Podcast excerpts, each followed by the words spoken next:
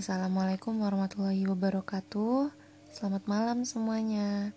Kembali lagi dengan saya untuk menceritakan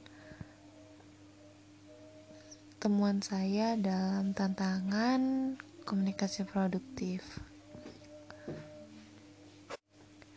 Jadi pada hari ini saya ingin menceritakan temuan saya yaitu hampir sama seperti sebelumnya.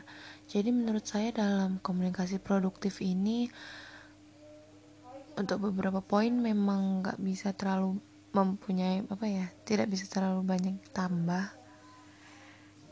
Tapi mungkin lebih ke penerapannya yang terus menerus ya. Nah pada hari ini uh, saya menemukan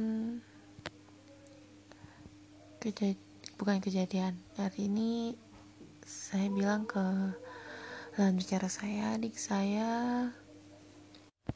Itu ketika dia uh, bilang tidak bisa ketika mengerjakan suatu hal akhirnya saya bilang gimana kalau sebenarnya kamu tuh bisa untuk melakukan ya dari sana itu teman saya yaitu kayak mengubah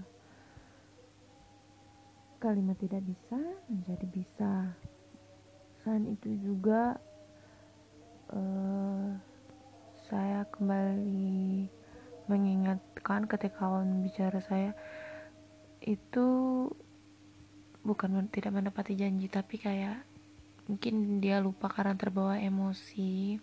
Jadi akhirnya saya bilang dengan intonasi dan gestur yang lebih tenang saya bilang ke dia kemarin katanya mau main sama-sama Kemarin katanya mau rukun sama kakak.